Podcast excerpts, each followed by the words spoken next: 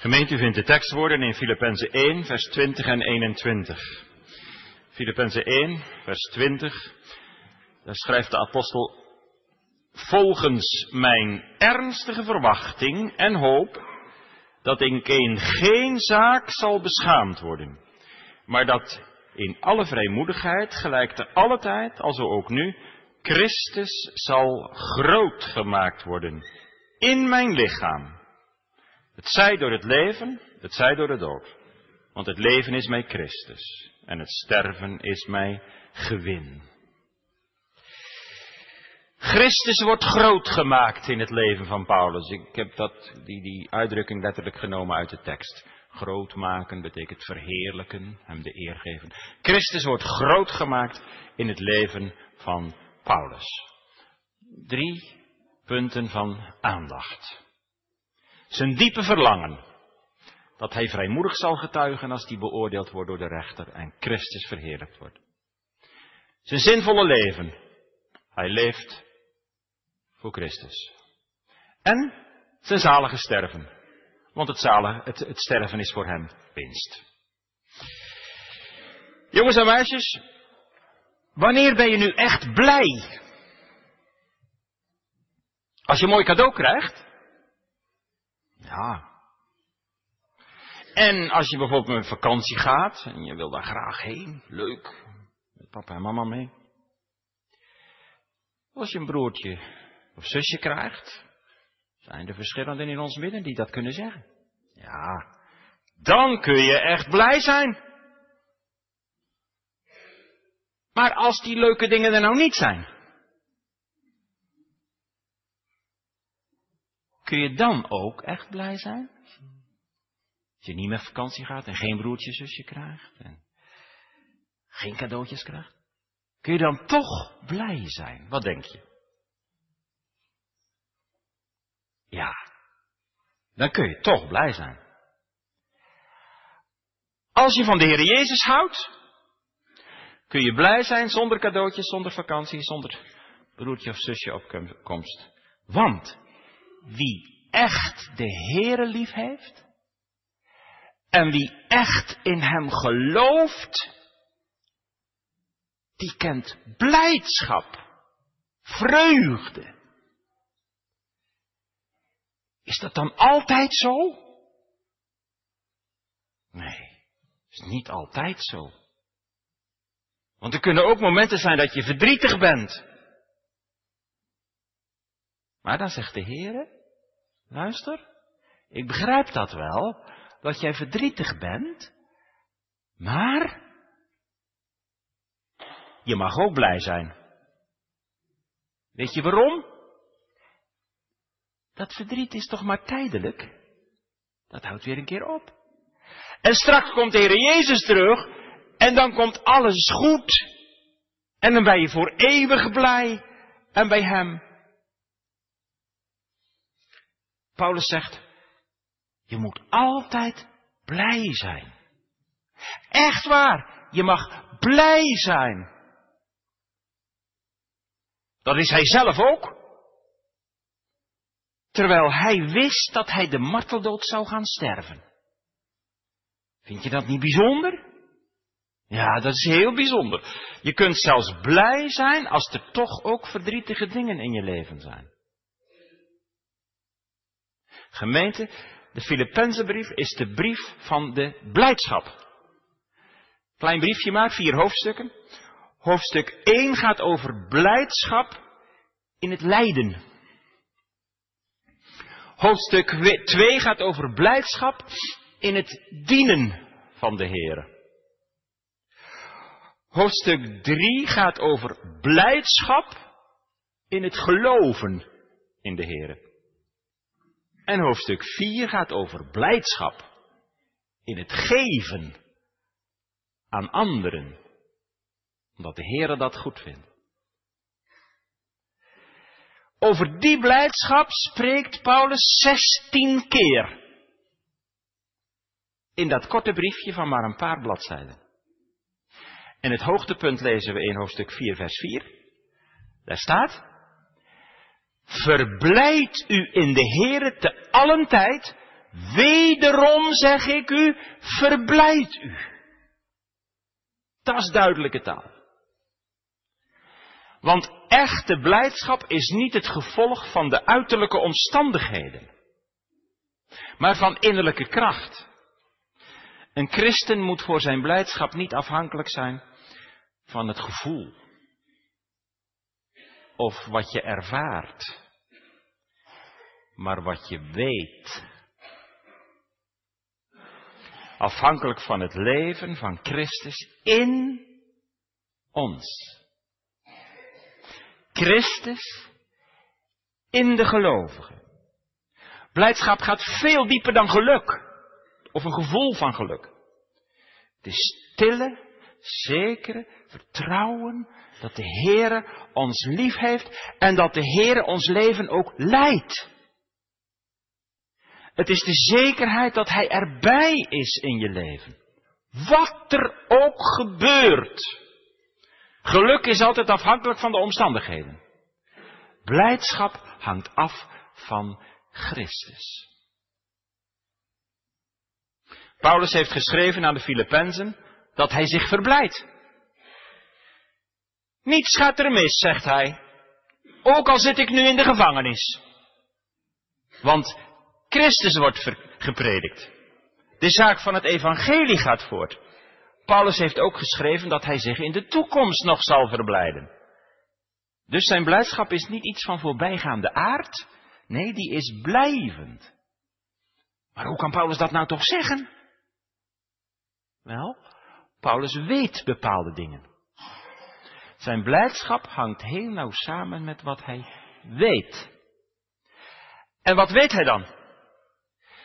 Dat zegt hij in de woorden van onze tekst. Het hart van de zaak, die Paulus hierin onder woorden brengt, is, ik weet dat Christus verheerlijkt zal worden. En omdat hij dat weet, verheugt hij zich. En hij zegt, en ik zal me nog verheugen. Maar hoe zal Christus dan verheerlijkt worden? Ook dat geeft Paulus aan. Dat zal in hem zijn, in Paulus. In zijn lichaam.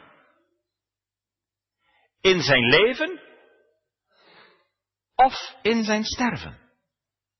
Hoe het zal gaan weet hij niet. Wat de toekomst brengen zal is hem nog onbekend.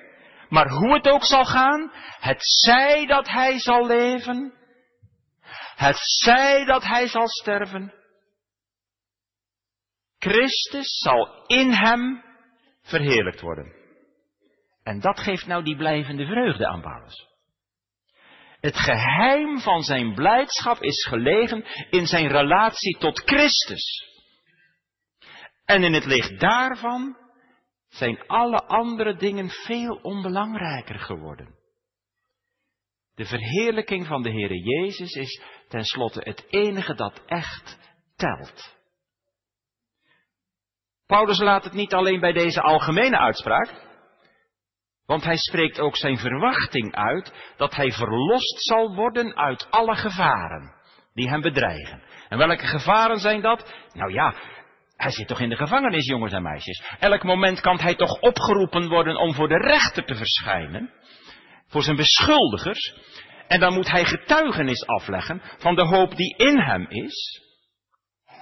En nu heeft Paulus een sterke verwachting, schrijft hij in vers 20, dat hij dan vrijmoedig zal getuigen van de Heer Jezus. Ook al zal hem dat het leven kosten. Een sterke verwachting. Het woord dat hier met verwachting vertaald is in vers 20, is een heel levend woord in het Grieks. Stel dat u iemand moet afhalen op Schiphol, van het vliegveld. Je staat midden tussen al die andere mensen te wachten en uit te kijken naar de persoon die je hoopt te ontmoeten. En eindelijk, ja wel hoor, daar gaat de deuren, die gaan open en daar komen de eerste mensen in de ontvangstruimte.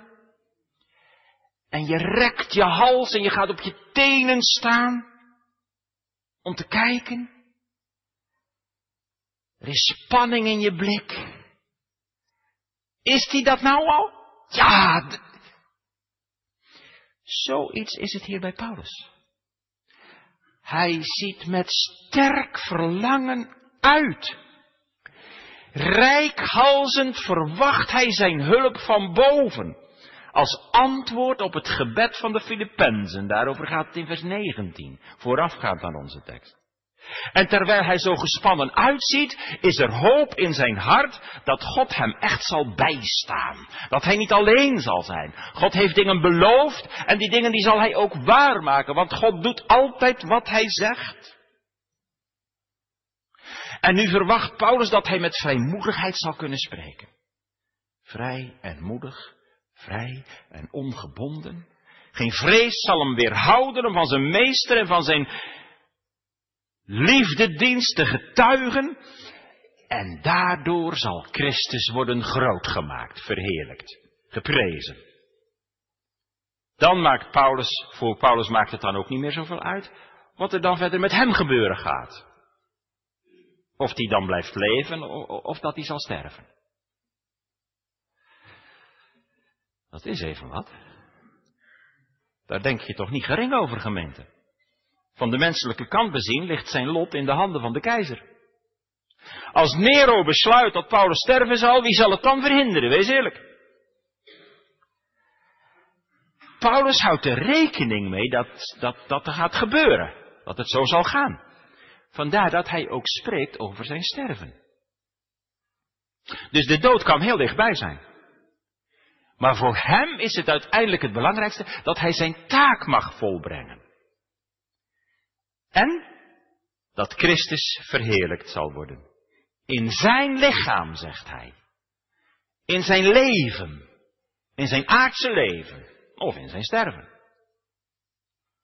Als we deze woorden van Paulus op ons in laten werken, dan is het eerste wat opvalt dat Gods genade in alle omstandigheden en voor alle situaties genoeg is. Neemt u dat eens mee, u die het moeilijk hebt? U die zegt, ik weet niet hoe ik het door moet komen. En soms zo ten neergeslagen. Hoe moet het toch verder? Ja, Paulus had ook van die tijden, want hij had ook een doorn in zijn vlees. Iets wat hem heel veel pijn bezorgde. Lichamelijk, psychisch, we weten het niet een doorn. En hij zegt, heren, ik zou er zo graag van af willen. Maak het toch anders in mijn leven en haalt u die doorn weg. Die prikt maar in mijn vlees. En dan zegt de Heer Paulus, je eens luisteren, die doorn die heb jij nodig. Om je klein te houden voor mij. Ik ben wijs. En ik bepaal dat voor jou. Maar, mijn genade is u genoeg. Nou, dat moet u meenemen. U die zo'n doorn hebt. De apostel weet deze dingen omdat hij Gods genade kent. En hij weet hoe Gods genade werkt. En hoe helend en genezend Gods genade is in zijn leven. Ook in zijn lichamelijk, psychisch bestaan. In vers 20 gebruikt Paulus het woord gelijk te allen tijd. Ja, hij heeft die ondervinding van Gods genade. En die genade heeft hem nooit tekort gedaan. Die genade heeft hem nooit in de steek gelaten. Keer op keer heeft hij ondervonden dat Gods genade in al zijn noden en behoeften voorzag. En die genade zal hem ook nu niet teleurstellen, dat gelooft hij vast. Gemeente, even naar ons toe weer. Is dat niet het geheim in het leven van al Gods kinderen? Was het geen genade toen God naar ons omzag? Was het geen genade toen Hij een nieuw hart gaf? Was het geen genade toen Hij van ons een nieuwe mens maakte? Toen Hij zijn woord aan ons hart en in ons hart legde? En toen dat woord van God een kracht tot zaligheid werd? En toen de Heer ons gebed, ons smeken wilde beantwoorden? Het is allemaal genade. Van begin tot eind. Totdat we straks eenmaal eeuwig thuis zullen zijn. En die onveranderlijke genade van God is zo heerlijk dat de dichter zegt, in de schuilplaats van de Allerhoogste, daar zijn we veilig. Zodat je zeggen mag, hoe het ook gaat in mijn leven, het loopt mijn God niet uit de hand. Hij zal voor mij zorgen. En zo mag de apostel zijn hele leven in de handen van God overgeven. Als Christus maar verheerlijkt wordt. Het zij door zijn leven, het zij door zijn dood. Hij zit immers in de gevangenis. Elk moment kan die worden opgeroepen om voor zijn aanklagers te verschijnen. Misschien wordt hij vrijgelaten. Misschien moet hij de marteldood sterven. En in die spanning blijft de apostel rustig en stabiel. Is dat niet geweldig mooi? Al blijft hij leven, als hij blijft leven en weer naar de gemeente mag gaan uit de gevangenis, om de gemeente te dienen, dan is het goed. Maar als hij veroordeeld wordt en terechtgesteld door de scherprechter, dan is het ook goed. Beter zelfs, zegt hij. Eén ding weet hij. Of hij nu blijft leven, of dat hij de marteldood zal sterven. Hij is het eigendom van de Heere. Voor eeuwig. Als Christus daarin maar verheerlijkt wordt. En dat is de rijkdom van het evangelie dat hij altijd heeft gepreekt. De boodschap van kruis en opstanding. En uit die boodschap mag hij zelf ook leven. En sterven. Het sterven van Christus is voor Paulus het leven. En door de opstanding van Christus mag Paulus in vrede sterven. Met de hoop op het eeuwige leven. En daarover spreekt hij in vers 21. Want het leven is mij Christus en het sterven gewin. Tot zover het eerste. Paulus' diepe verlangen. En we gaan nu naar het tweede, het zinvolle leven van Paulus. Maar we gaan eerst zingen. We letten op het zinvolle leven van Paulus. Want hij zegt, het leven is mij Christus. Misschien kunnen we het met één woordje wat meer verduidelijken. Het leven is voor mij Christus. Ik leef voor Christus. Dat is het doel van mijn leven. Hij is de zin van mijn leven. Leven is voor mij natuurlijk het geloof in de Heer Jezus. Zeker. Maar ook de liefde tot de Heer Jezus. Dat hoort er allemaal bij. Geloof werkt door de liefde en dan brandt je hart van verlangen, van liefde om Hem steeds beter te mogen leren kennen. Het leven is voor mij de gemeenschap met de Heere Jezus, zoals de wijnstok de rank in zich heeft, zo dichtbij. Maar wat hij vooral bedoelt, het is allemaal waar, maar wat hij vooral bedoelt is, ik leef voor Hem. Het leven voor mij mijn enige ware geluk, mijn levensdoel ligt in het dienen van Jezus. De toewijding van mijn leven aan Christus. Dat daar gaat het eigenlijk om, dat is het voornaamste. Zo was dat al vanaf het moment van Paulus' bekering. Het eerste wat hij vraagt is, Heer, wat wilt gij dat ik doen zal? Het leven is voor mij Christus. Nou, gemeente, nu snapt u wel dat er een vraag komt. Jongelui, dat voel je aankomen, hè? Vanuit dit woord dringt zich een hele belangrijke vraag aan ons op. Wat is voor jou het leven? Wat is voor u het alles beheersende middelpunt in uw leven? Wat is het belangrijkste voor je? Wat is je liefste wens? Waar leef je voor? Of voor wie leef je? Ons dagelijks leven bestaat uit zoveel dingen, hè? Denken en doen, slapen en waken, eten en drinken, werken, studeren, bezig zijn met je hobby's, het invullen van je vrije tijd. Sommige zaken worden wel iemands leven genoemd. Zo van, zijn leven was werken. Of haar leven was dienen. Nou, wat is jouw leven? Wat is uw leven? Waar draait het uiteindelijk om in je leven? Veel mensen zoeken een bepaalde status in hun leven. Door hun studie, hun baan, door hun huwelijk soms. Niks mis mee met al die dingen. Dat bedoel ik niet. Bij veel mensen draait het in het algemeen om eer en aanzien en macht en geld en genot en luxe en kunst en wetenschap. En dat maakt hun leven eigenlijk pas tot leven. Want wat heb je toch anders aan je leven? Zo hoor je zeggen. En ik bedoel niet dat je van al die dingen niet genieten mag, maar het zal toch niet alleen maar draaien om je eigen ik? Kijk, dat was vroeger bij Paulus wel zo. Hij leefde voor zijn godsdienst. Maar daar heeft de Heer Jezus een eind aan gemaakt op weg naar Damascus. En de opgestane zaligmaker is aan hem verschenen vanuit de hemel en hij brak in in het leven van Paulus, de christenvervolger. En hij leerde knielen voor God in de straat genaamd rechte in Damascus. Daar gaat hij smeken om genade, dan staat er, hij, want zie hij bidt.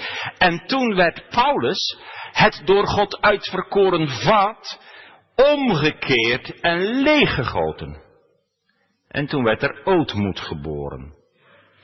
In Damascus heeft Paulus de Heere Jezus leren kennen en zich aan Hem mogen overgeven.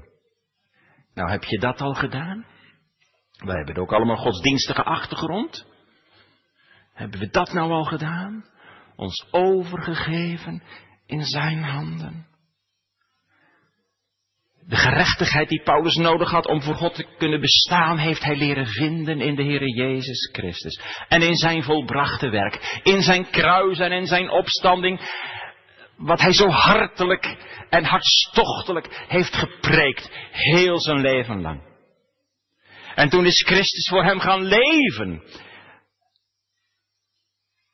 En toen is hij voor Christus gaan leven. In het leven van de heiliging heeft Jezus leren kennen in de kracht van zijn opstanding, rechtvaardiging, en in de gemeenschap aan zijn lijden, in de heiliging. En nu zegt Paulus in onze tekst, het leven is voor mij Christus. Dat woordje mij staat in je Griekse Bijbel helemaal voorop, aan het begin van de zin in de grondtaal. En dat betekent, dat heeft heel veel nadruk. Voor mij is het leven Christus. Als je het mij persoonlijk vraagt, wat mijn leven is, dan zeg ik, dan kan ik met één woord zeggen, ik kan het zelfs met één naam zeggen. Christus. Mijn leven is Christus.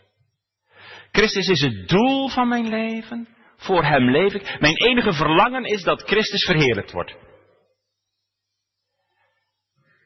Ja, maar de gemeenteleden van Filippen moeten er niet aan denken dat, dat Paulus onthoofd zal worden. Dat zou een ramp zijn voor de zaak van de Heer Jezus. Wat moet er dan terechtkomen van de verbreiding van het evangelie? Hij is de eerste die in Filippi het evangelie heeft verkondigd. En toen kwamen Lydia en de stokbewaarder tot bekering. En toen is er een gemeente uitgegroeid met een bijzondere band met Paulus.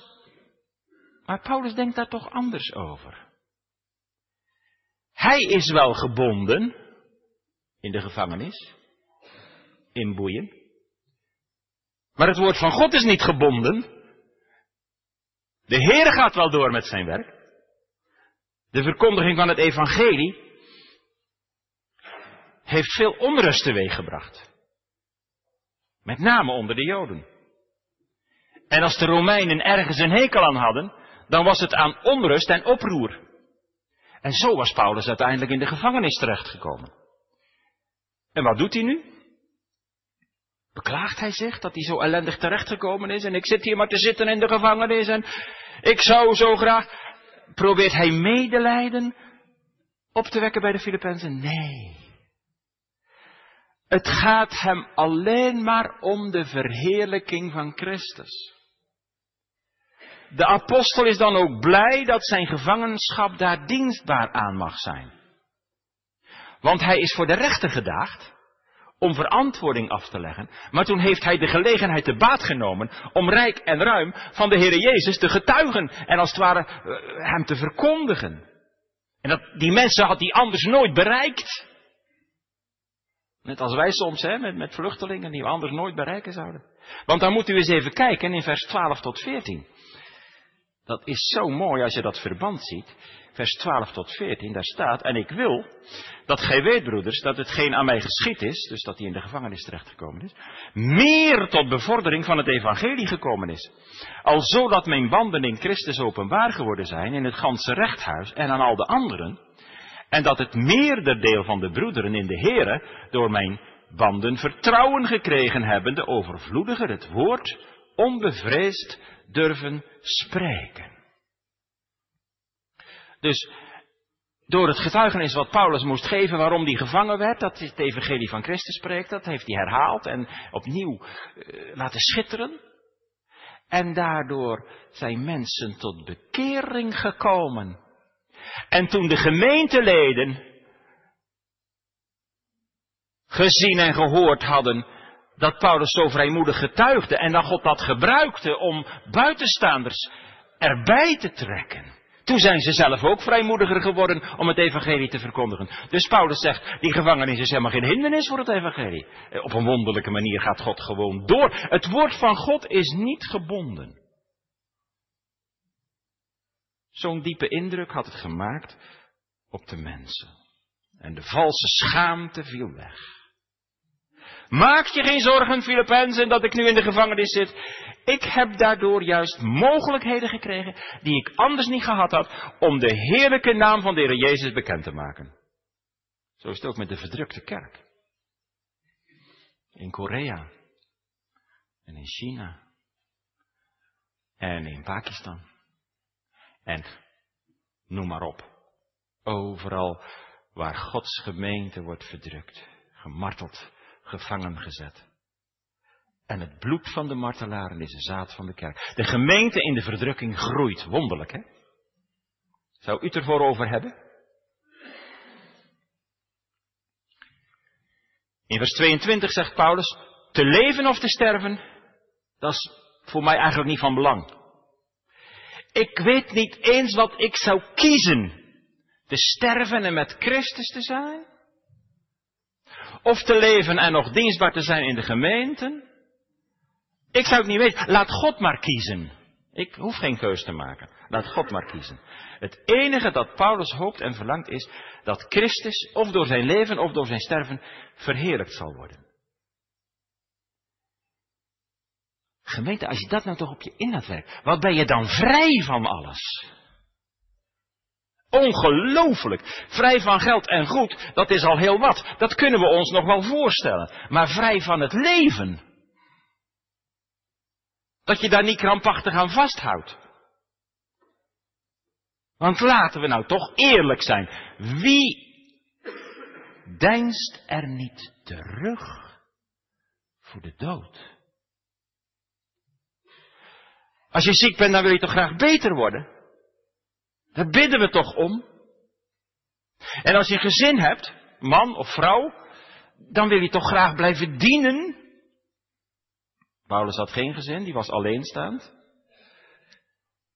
Hij hoefde natuurlijk niks achter te laten. Maar hij had één hartstocht.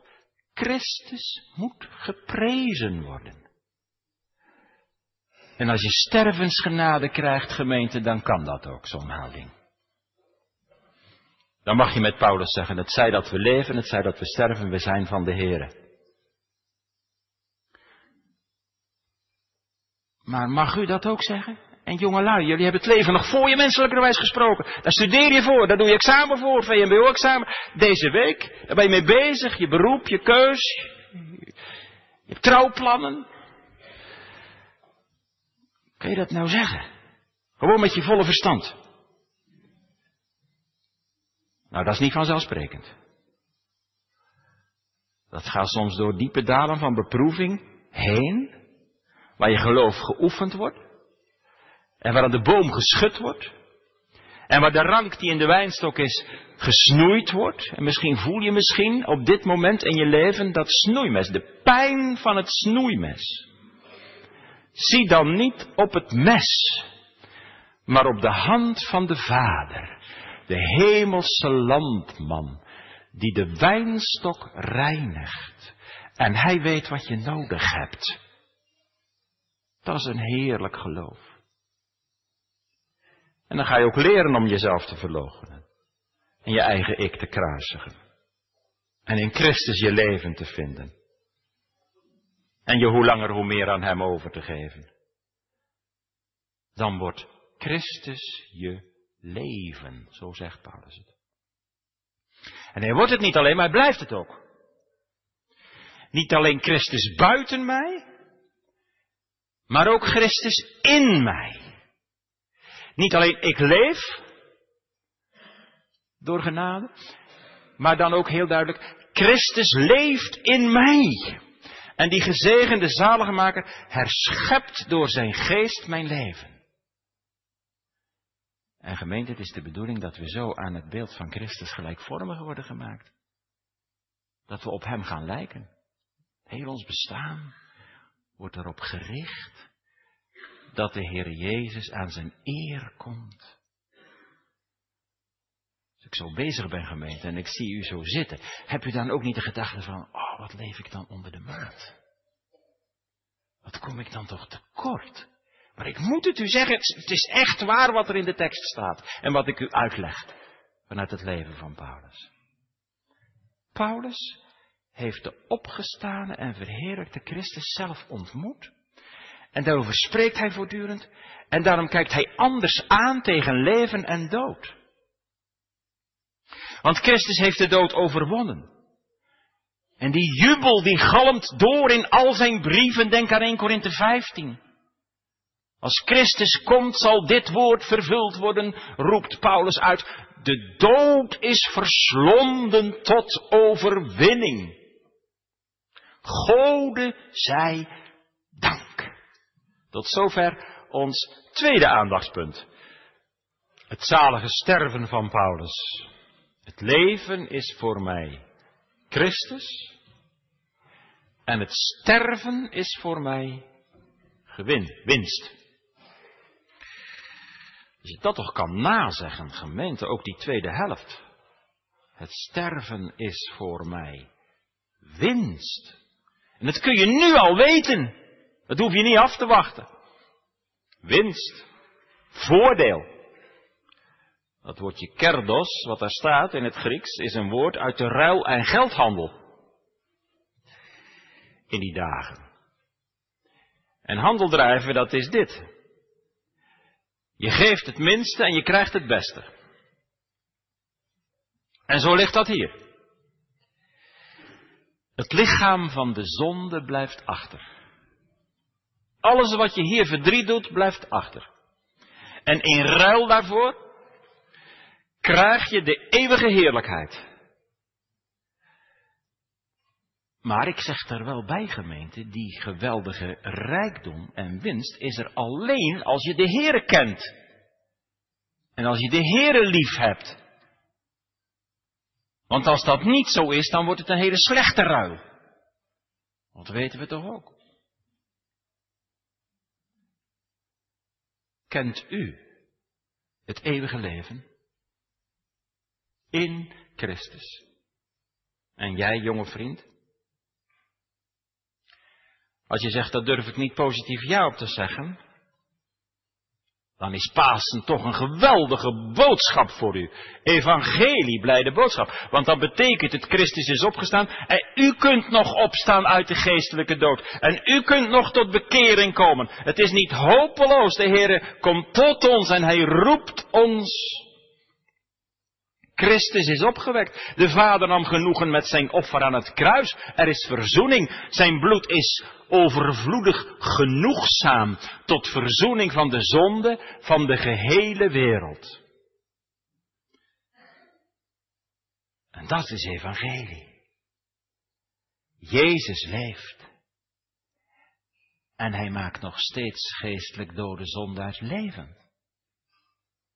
Hebt u nog nooit gezien dat u de ellendigste van alle mensen bent zonder Christus? Dat zegt de Bijbel. 1 Korinthe 15. En het is de bedoeling dat je dat echt gelooft. En dan wordt het ook een worsteling in je leven. Om met God verzoend te worden. Heer Jezus wordt je dierbaar. En je armen blijken te kort te zijn om het heil dat Hij in zijn kruis en opstanding verworven heeft aan te nemen. Dat is even pijnlijk als je dat ervaart in je leven. Je onmacht om te geloven. Maar Christus is opgestaan. En heeft ook zijn heilige geest verworven. En die geest getuigt in de harten van verloren mensen dat er ook voor hen vergeving van zonden is. En de levende Christus wil in het woord naar ons toekomen en tot onze ziel spreken. Ziet hier ben ik, ziet hier ben ik. Ik ben uw heil alleen. Zeg tot de steden van Juda, zie hier is uw God. En de geest getuigt in je hart dat het ook voor jou, ook voor u is. Want Christus overweldigt. En hij spreekt met macht. Want hij is de paaskoning. En als dat in je leven gebeurt, dan kan het niet anders meer of je gaat in hem geloven en je leven in zijn hand geven. En hem groot maken. Dan zal ook de kracht van Christus opstanding vernieuwend doorwerken in ons leven. Wie leeft met Christus en voor Christus, die gaat de wereld met heel andere ogen bekijken. Kijk je heel anders aan tegen de samenleving en tegen de kerk en tegen de toekomst, maar ook tegen de dood. Al Gods kinderen mogen door de kracht van Christus opstanding vruchten dragen. De wijnstok, de rank gaat in de wijnstok Christus groeien en bloeien. En dan mag je opstaan uit de dood, uit de werken van de dood, om in een nieuw godzalig leven te wandelen. En straks op de morgen van de verrijzenis zal de bazuin klinken en dan zullen de graven opengaan en dan hoef je niet aan te twijfelen, want Christus is de eersteling geworden van degenen die ontslapen zijn. Dat belooft een rijke oogst. Zal dat voor ons ook een zalige opstanding zijn? Als je dat mag geloven en beleiden, en dat mag, dan heeft je leven zin. Je dagelijks werk krijgt zin. Het wordt alles overstraald door de glans van de komende heerlijkheid en van de eeuwigheid. En in dat perspectief is het heel zinvol, jonge vrienden, om te studeren en om examen te doen. En om te trouwen en om kinderen te krijgen en om zieken te verplegen en om voor de klas te staan en om eh, getrouwd te zijn in je aardse roeping. Want dan is het doel van je leven geworden Christus. Hem dienen. En dan wordt je sterven een groot voordeel, zegt Paulus. Winst. Het leven voor Christus geeft als voordeel, geeft een voordeel als je sterft. En Paulus bedoelt hier heel gewoon de, de, de lichamelijke dood, de biologische dood. Maar is dat dan toch mogelijk? De dood boezemt ons toch angst in. Veel mensen verdringen de dood. En noemt de apostel zelf niet de dood de koning van de verschrikking? De laatste vijand? Nee, de dood wordt nooit een goede vriend. Of een bondgenoot. Zoals die mensen willen beweren die zo voor euthanasie zijn. De dood brengt altijd verlies met zich mee. Verlies van krachten. De afbraak van je lichaam. Het loslaten van je werk. Het opgeven van je plannen. Het afscheid nemen van allen die je lief zijn. Dat doet toch pijn? En ook Gods kinderen kunnen soms zo tegen de dood opzien. Wie niet? Laten we maar niet ons groot houden, gemeente, dat hoeft ook niet. Maar kijk nog eens even in je Bijbel. In de tekst. De, in vers 21. De tweede keer staat het woordje mij cursief gedrukt. En dat betekent, er staat niet wat er staat. Het is er gewoon bijgevoegd ter wille van een goede uitleg. Dus dat betekent dat woordje mij staat niet in de grondtaal. Het is wel waar dat het sterven voor Paulus persoonlijke winst betekent, voordeel. Maar er is meer. We kunnen dat woordje mij gerust missen. Haal het even weg. Staat er toch niet. En dan wordt het nog rijker. Want het sterven is niet alleen maar winst voor Paulus. Maar het is winst voor Christus. En voor zijn gemeente. Die drie dingen zitten daarin, als je het woordje mij weghaalt. Een drievoudige winst. Voor Christus, voor zijn gemeente en voor de gelovigen zelf. Het sterven is winst voor Christus. Als een kind van God sterft.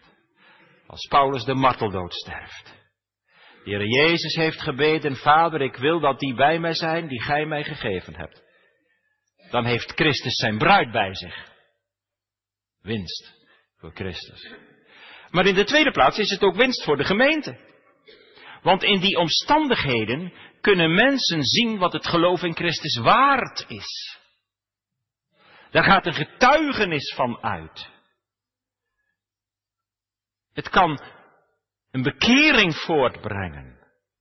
Het koninkrijk kan erdoor uitgebreid worden. Als even heel dicht bij ons, als u zelf getuige mag zijn van iemand die in Christus ontslaakt. En een rijk getuigenis aflegt. Voorafgaand aan het sterven of op het sterfbed. En dat kan toch het geloof versterken van degenen die daarbij zijn. Het gebeurt wel dat sommige familieleden door het sterven van iemand tot bekering komen. Dat ze denken van, hé, hey, mijn leven is ook zo broos. En als ik aan de beurt ben, waar ga ik dan naartoe? Als je op de grens van leven en dood mag roemen in de Heer, daar gaat er toch iets van uit voor de omstanders. Dus dan wordt het winst voor de gemeente van Christus. Maar het sterven, zegt Paulus, is ook winst voor de gelovigen zelf. Want sterven is erven. Paulus spreekt over een ontbonden worden en met Christus te zijn. In het vervolg. En dan moet u niet denken aan de ontbinding in het graf. Maar dan moet je denken, dat, dat gebeurt voorafgaand aan het sterven. Het woordje wat daar staat is een Griekse, het Griekse woord is een scheepsterm. Het betekent losmaken. Je moet denken aan een schip dat in de haven ligt en de haven verlaat. Paulus ziet de dood als een reis die nog moet worden ondernomen. De trossen worden losgemaakt. Ontbinden betekent hier opbreken, losmaken, scheiden van. En dan begint de reis. Want God haalt zijn kinderen voor eeuwig thuis. En is dat geen winst? Verlost van je zonde, verlost van je kleingeloof, verlost van je geesteloosheid. Geen zorgen meer, geen ziekte, geen depressiviteit, geen verdriet, geen aanvechting. Ongestoord en eeuwig te mogen delen in de gemeenschap van de Heer Jezus, die je in dit leven zo lief gekregen hebt. We moeten Paulus natuurlijk niet verkeerd begrijpen. Het is niet zo dat Paulus hunkert naar de dood. De Bijbel kent geen ziekelijk doodsverlangen. De gedachte was ik maar dood is geen christelijke gedachte. Al kan lijden, psychische depressie en gebrokenheid dat wel in je gedachten laten komen. En je mag er naar verlangen om verlost te zijn van alles wat je hindert om God volmaakt te dienen. Maar de apostel zit zogezegd niet te wachten op de dood. Zijn hart hunkert wel naar Christus. Naar de volle gemeenschap met hem. Hoe zou het anders kunnen? De liefde trekt toch op huis aan? Maar hij schuift zijn eigen wensen en belangen opzij en hij stelt zich beschikbaar. De grootmaking van Christus geeft de doorslag. Gemeente, jonge vrienden. Wil je weten of je sterven winst zal zijn? Dan moet je beginnen met je leven. Is ons leven toegewijd aan Christus? Want daar hangt van af hoe straks je sterven zal zijn. En als je jezelf overal druk om maakt, behalve om de heerlijkheid van Christus, dan moet je met je sterven alles loslaten. En dan moet je met je grote schuld voor God staan, voor de rechter van hemel en aarde. En dan ben je voor eeuwig buiten Christus, voor eeuwig van God verlaten. Laat het maar een aansporing zijn om de Heer nu te zoeken, want hij staat met uitgebreide armen. En hij wacht om genadig te zijn. En als Christus je leven geworden is, dan wordt je sterven winst. Dan mag je de koning zien in zijn schoonheid. Dan worden de vreemdelingen en bijwoners worden burgers van de stad. Ik ben reizend naar de stad, waar Christus het licht zal zijn. En wie in hem gelooft, zal leven. Al ware hij ook gestorven. Amen.